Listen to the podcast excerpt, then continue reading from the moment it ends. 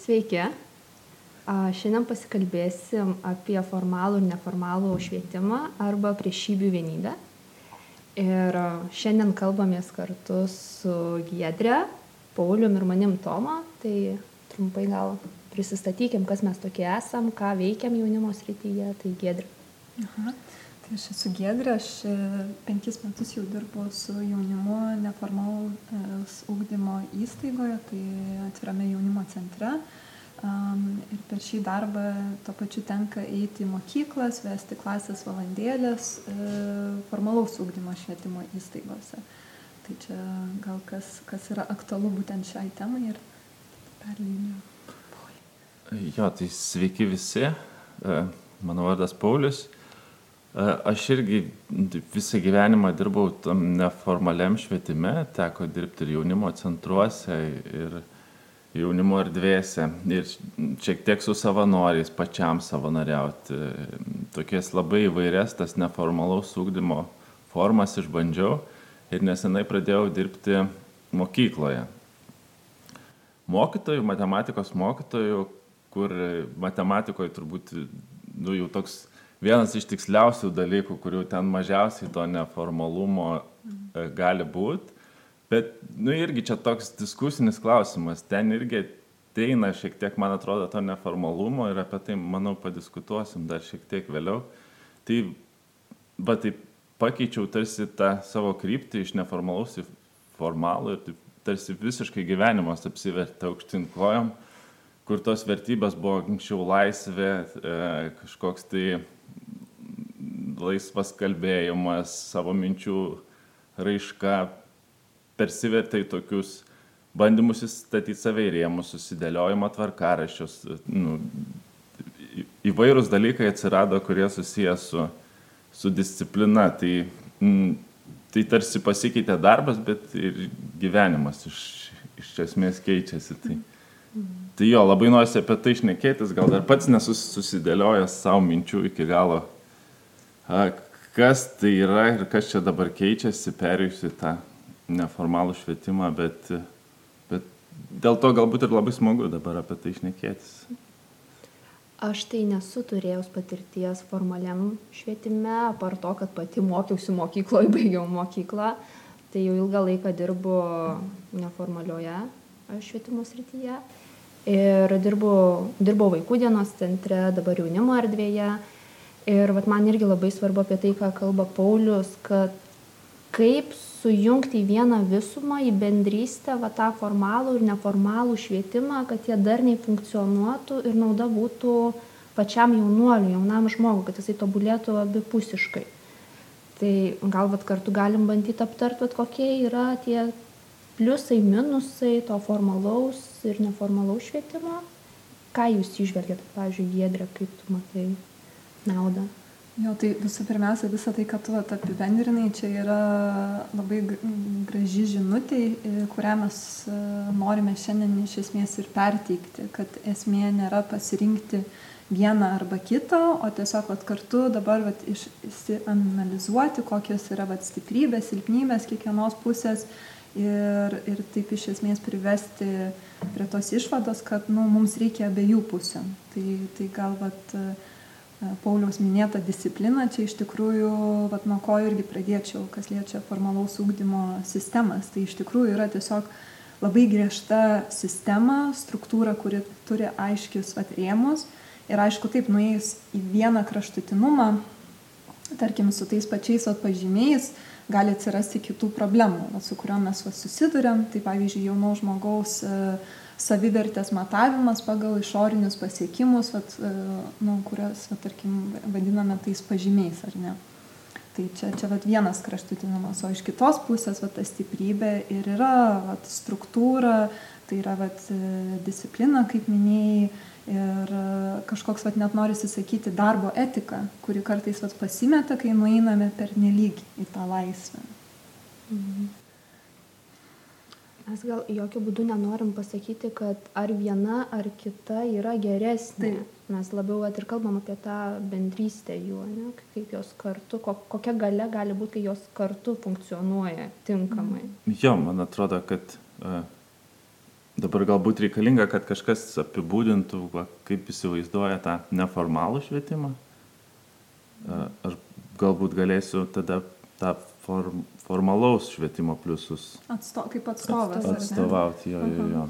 Nes man vat, visas tas neformalus ūkdymas, kai aš pagalvoju, kas mane labiausiai irgi pritraukia į tai, vat, kodėl gyvenimas atvedė ten, todėl kad rezonavo su mano asmeniniam vertybėm, kurios ir buvo vat, ta laisvė, tas laisvumo principas, apie kurį mes dažnai girdime, ir to pačiu lygiai vertiškumas. Nes aš vat, pagalvoju irgi, kad mokykla vis tik yra aiški hierarchinė sistema, kur yra vat, iš esmės primestas autoritetas. Ir čia drastiškai skiriasi nuo neformalaus ūkdymo, kur ir iš esmės jaunimo darbuotojas dažnai nu, geras jaunimo darbuotojas tampa kaip tokiu role model. Ir, ir, ir iš esmės, ką tai reiškia, kad jaunas žmogus pasirenka jį kaip autoritetą, jį iškelia kaip autoritetą, bet tai nėra vat, žmogus, kuris save pastato į autoriteto, tarkim, poziciją. Tai va tas lygiavertiškumo principas irgi yra labai svarbus ir manau čia toks išsiskiria, nu, vat, kuo išsiskiria irgi formalaus ir neformalaus ūkdymo sistemos.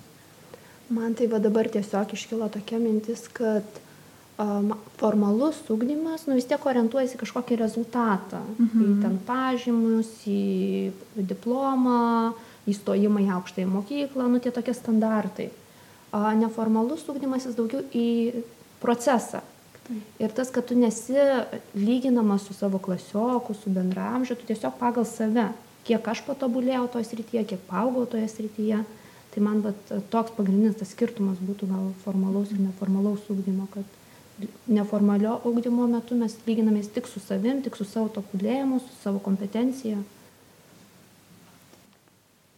Jo, tarkim, formaliam ūkdyme mm,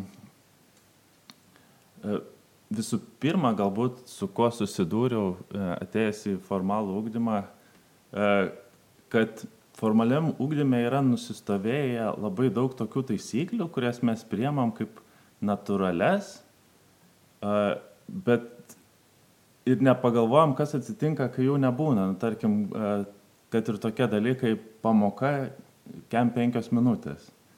Ir kad po to skambutis, po to pertrauka, nu, taip va įsivaizduoja mokykloje visą laiką vyksta, o neformaliam švietime dažniausiai labai varijuojama, priklauso nuo to, kaip jaučiasi grupė, ar jį pavargusi, ar, ar dar gali tęs, dažniausiai visa grupė kažkaip sprendžia, balsuoja, ar, ar, ar dar nori toliau mokytis, arba galbūt eiti kažkokią veiklą ir panašiai.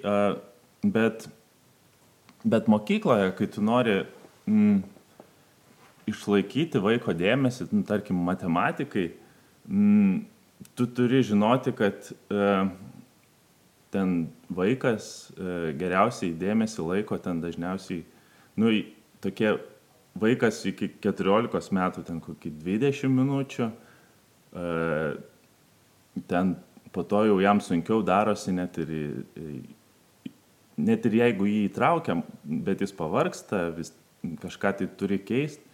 Ir kad tos pamokos taip sudėliotos po 45 minutės, kad tu po tų 20 minučių dar galbūt kažką pakeiti pamokoj, kas, e, kas dar šiek tiek išlaiko vaiko dėmesį, bet po tų 45 minučių jau nori, nenori, darai tą pauzę. Ir, mm, ir kai, kai visa tai vyksta, tarkim, vieną dieną, tai tu gali varijuoti, bet kai mokymas vyksta visus metus ir tu turi išlaikyti tą kažkokį testinį procesą, tu uh, gali kažkiek tai išeiti iš turėjimų vieną kitą dieną, bet, bet jeigu tu per nelik dažnai viską kaitalioji, viskas susimakaluoja ir tu nežinai, dėl, dėl ko tas vaikas nesimoko, ar kad jis pavargo, ar kad m, kažkokia krito motivacija, arba galbūt tu kažkaip ne, netinkamai pateiki savo medžiagą ir kai nebėra tos struktūros, tu kažkokiu ne, nu, negali susigraibyti kažkokiu įrankiu, kaip tau vertinti e, tavo procesą, kaip tau vertinti vaiko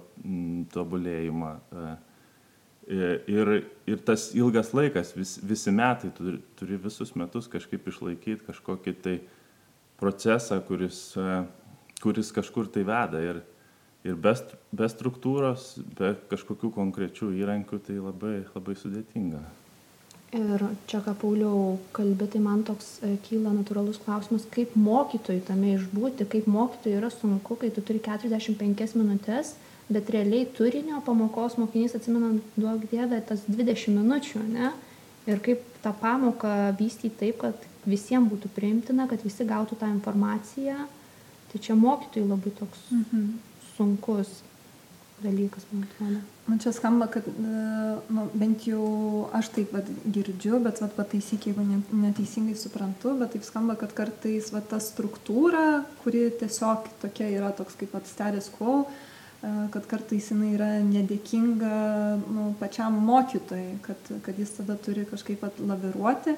Ir taip, iš vienos pusės bet kokie rėmai, bet kokios struktūros suteikia uh, nu, jeigu vat, procesas mokymosi vyksta metų bėgyje, tai suteikia kažkokio testinumo, tai, tai vis tiek ta struktūra atsiranda iš pragma, nu, pragmatinės pusės, bet kad jinai kartais yra nedėkinga, nes vis tiek tai, nu, aš girdžiu, kad nebūtinai yra produktyviai tas laikas išnaudojamas. E, ir kad tame nėra erdvės irgi įsivertinti, va, kaip tu sakai, nežinau, uh, ar jie pavargę, ar kokie iš viso jo poreikiai.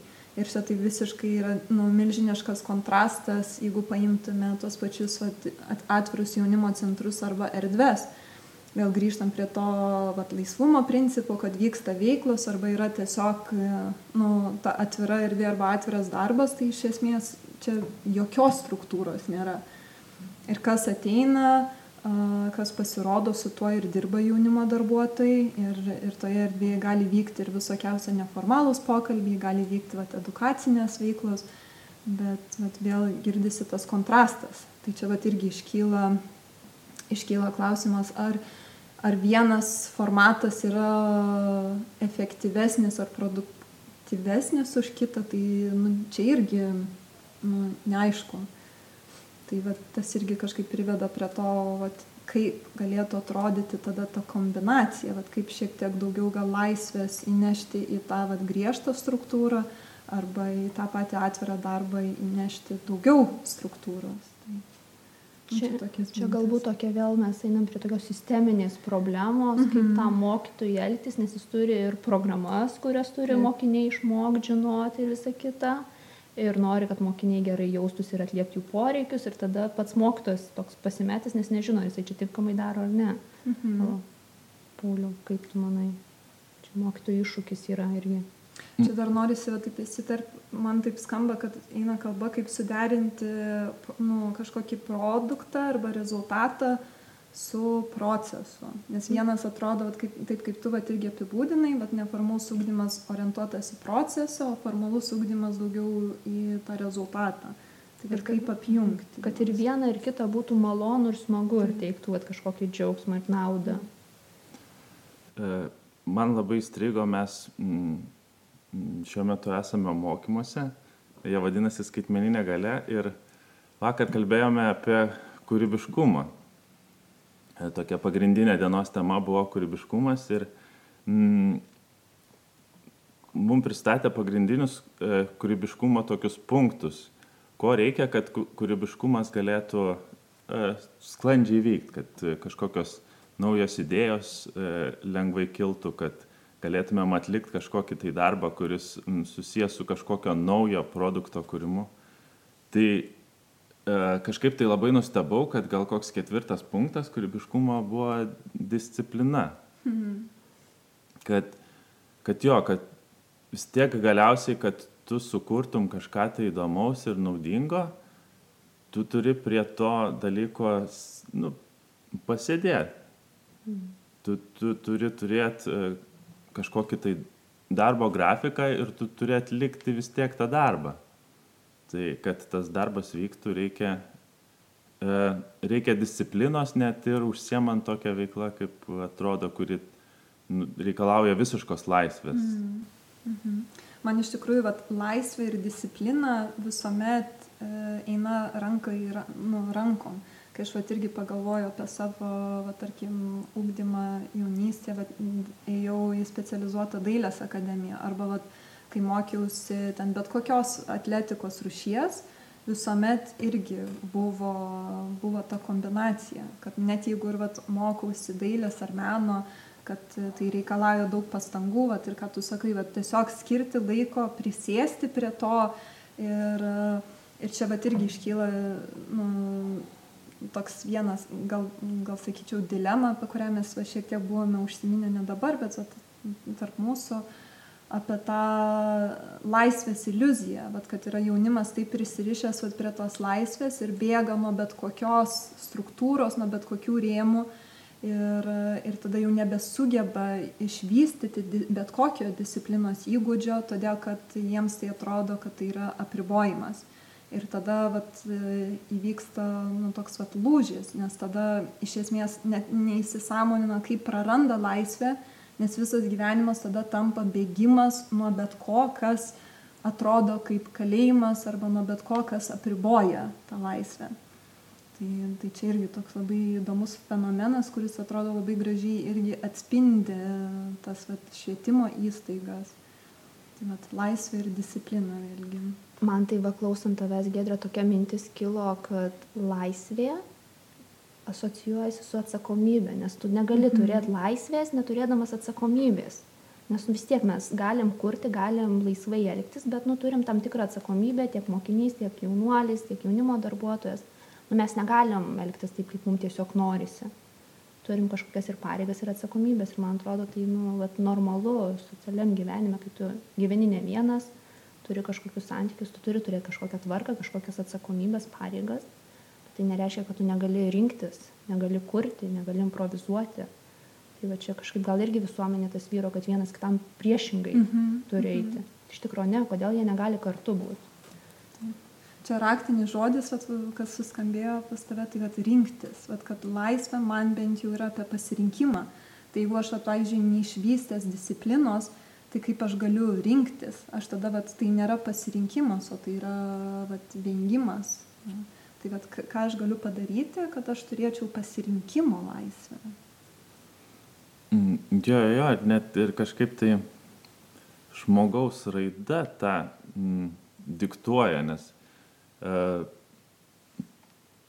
labai skiriasi, pavyzdžiui, vaikas ir paauglys, nors atrodo, kad nu, vaikas iki 14, o paauglys, nu, taip sakykime, nuo 12-14 prasideda metų ir gali tik tai tas žmogus skirtis tik tai uh,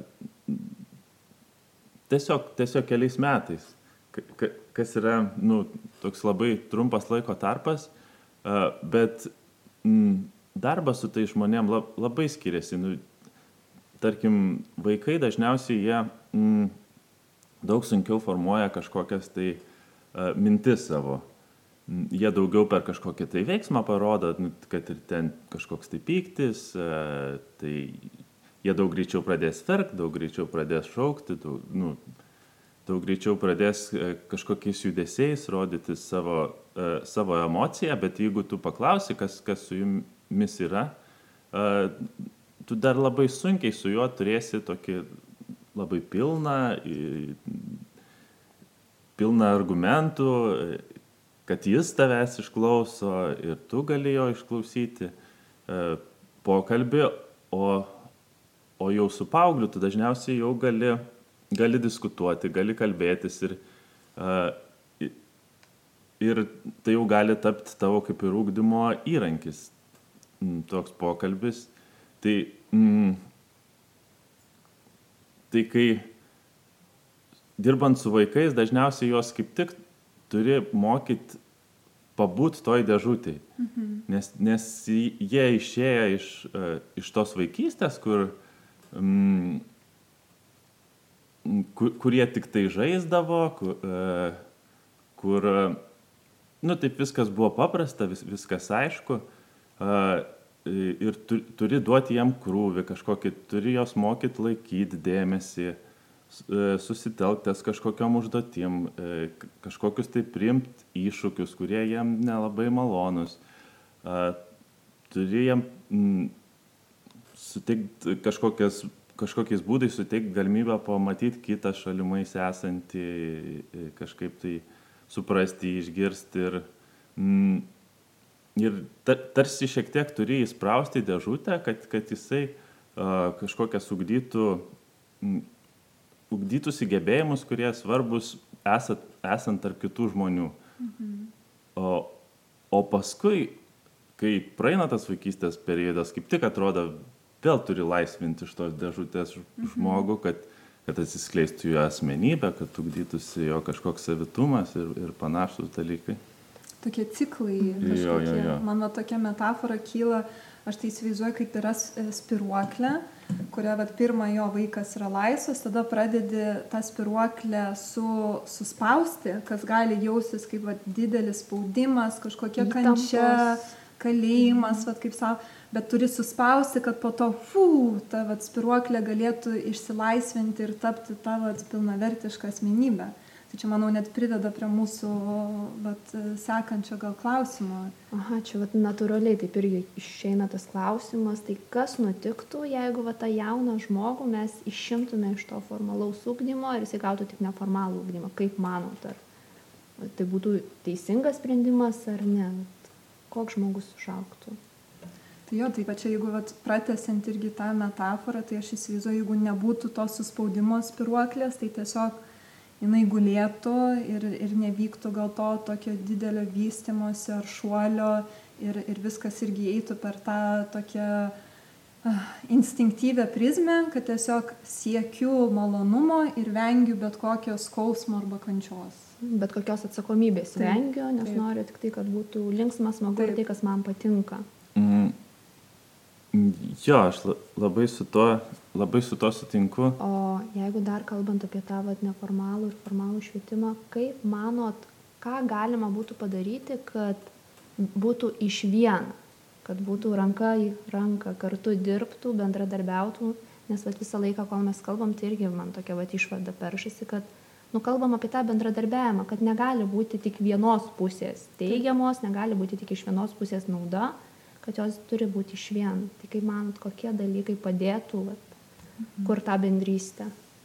Tai vat, iš praeitų pokalbių su tavim, Tomu, man labai vat, suskambėjo tas, tas tavo va, žodis, vat, įvertinti vienas kitą, kad, kad, kaip tu sakai, irgi nekonkuruoti, kad tos vat, sistemos formalaus ir neformalaus ūkdymo ne, nekonkuruotų ir to pačiu nebandytų nuvertinti viena kitos, kad oi mes esame svarbesnė, arba dar kitais atvejais, kaip aš labiau patiriu, kad tiesiog ignoravimas viena kitos. Tai va čia jau toks, žinai, anti, anti bendradarbiavimas. Tai man labai vat, kažkaip siejasi su, su pagarbos tokia vertybė, vat, įvertinti ir pamatyti, kok, kokius įgūdžius kiekviena sistema padeda vystyti ir vat, kokios yra vat, vertybės po to. Nes jeigu mes žiūrėsime į formalaus ūkdymo švietimo įstaigą, pro laisvės, e, laisvės vertybės perspektyvą, tą prizmę, tai mes tada matysime tiesiog ten nelaisvę ir kalėjimą. Bet jeigu žiūrėsime, o wow, ne, čia iš tikrųjų yra valios, e, tarkim, ugdymas, va, disciplinos, va čia mokosi žmonės patirti laisvę ir kūrybiškumą rėmuose, va dėžutėje, va tavo labai graži buvo metafora. Tai man labai, bet aš irgi pagalvoju, kad aš galiu įvertinti, ką tos įstaigos suteikia ir tuo pačiu vat kur tada atsiranda vietos, erdvės kažkokios neužpildytos, kurias gali neformalus ugdymas užpildyti. Ir tai, pavyzdžiui, irgi, vat ko mūsų nemoka mokyklose. Kaip kurti darnius harmoningus tarp asmeninius santykius. Vat visa ta, vat irgi emocinis intelektas, tas pats, man atrodo, irgi erdvė e, lytiniam ugdymui, kuris, nu, irgi rodo va, tyrimai, kad nu, nėra labai efektyvus tas lytinės ugdymas, kuris yra vykdomas va, švietimo įstaigose. Arba tas pats vat, karjeros ugdymas, tai tikrai yra sričių, kurias vat, tas neformalus ugdymas gali papildyti. Toks čia tas atsiranda momentas, kad nu, tu turi pripažinti, kad tu ne viską supranti. Kad, taip, taip. Kad, kad yra kelios sritis, nu, tu gali labai gerai išmanyti matematiką, bet tu nebūtinai gerai išmanysi vaiko ten raidos etapus. Ar, ar ten nesupermokėsi ten kažkokią motivaciją tam vaikui, mm, tam vaikui sukurti. Man toksai, jo, kaž, kažkoks toks, kaip ir įstrigęs pavyzdys, jeigu paklaustum vaiko, kokia pamoka jam labiausiai patinka, nu ten išgirstum kažkokį atsakymą, ten, sakykime, lietuvių kalba ir jeigu paklaustum, kodėl, nes, nes mokta labai faina. Da, mm. Dažniausiai vis tiek, vis tiek tie dalykai kažkaip tai yra susiję, e, kad e, tie neformalaus švietimo taisyklės vis tiek veikia, kad mokymas prasideda tik tai tada, kai atsiranda kažkoks tai ryšys tarp, tarp, mm. tarp vaiko ir mokyto, kad ir kokiu būdu jis užsimesga, kad jeigu vyksta kažkokios tai, mm, nežinau, emocinės krizės irgi tada mokymas negali vykti, kad jeigu vaikas kažkokiam strese, jeigu vaikas kažkas netenkina, kad jis bus susikoncentravęs visų pirma į tai ir, ir mokslas bus antroje vietoje ir kad šituos dalykus e, moko ir studijuoja, kaip spręsti būtent neformalų švietimas. Ir kad nu, tiesiog nu, turim progą turėti tos, tos įrankius, tik tai reikia sakyti, kad vat, nu, aš gal kažkaip tai nežinau šitoj srity, gal galim mokykloje turėti kažkokį neformalaus ūkdymo specialistą, kuris, kuris spręstų kažkokias socialinės problemas tarp vaikų ir tada man liks spręsti matematikos uždavinius su vaikais. Ir mes vėl atsimušam į tą tokį raktinį žodį bendradarbiavimas, kaip svarbu kalbėtis, bendrauti, iškomunikuoti savo idėjas ir vieniem kitus suprasti, o ne kažkaip nuvertinti nesmerkti, tai visiškai pabaigai tada gal prasukant dar tokį ratą, ką išsinešam, ką išsinešam kokios mhm. mintys po mūsų šitos tokios diskusijos kyla.